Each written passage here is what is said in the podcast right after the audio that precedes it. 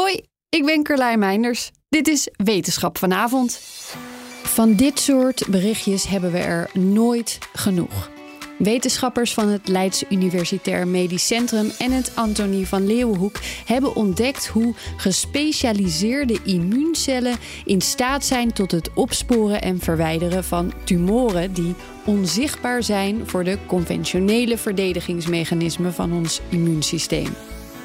De T-cellen die in ons lichaam abnormale cellen opsporen, kunnen een heleboel verschillende afwijkingen herkennen. Maar met kankercellen heeft ons immuunsysteem soms moeite. Alleen als er een specifiek molecuul aan deze cellen zit, worden ze herkend.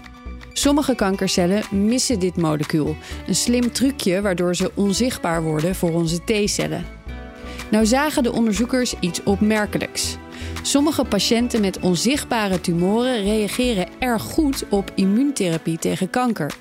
Bij deze therapieën worden die lichaams-eigen T-cellen versterkt en dan weer ingezet. Dat zou dus eigenlijk niet moeten werken bij dit soort onzichtbare tumoren. Maar het werkte toch. Hoe blijkt dat nou te kunnen? Zogenoemde Gamma-delta T-cellen, een minder bekend gespecialiseerd type immuuncel, zijn in staat om kankercellen te detecteren die onzichtbaar zijn voor conventionele T-cellen. We hebben dus een soort tweede verdedigingslinie. De onderzoekers gaan nu kijken hoe we die zo effectief mogelijk kunnen inzetten tegen kanker.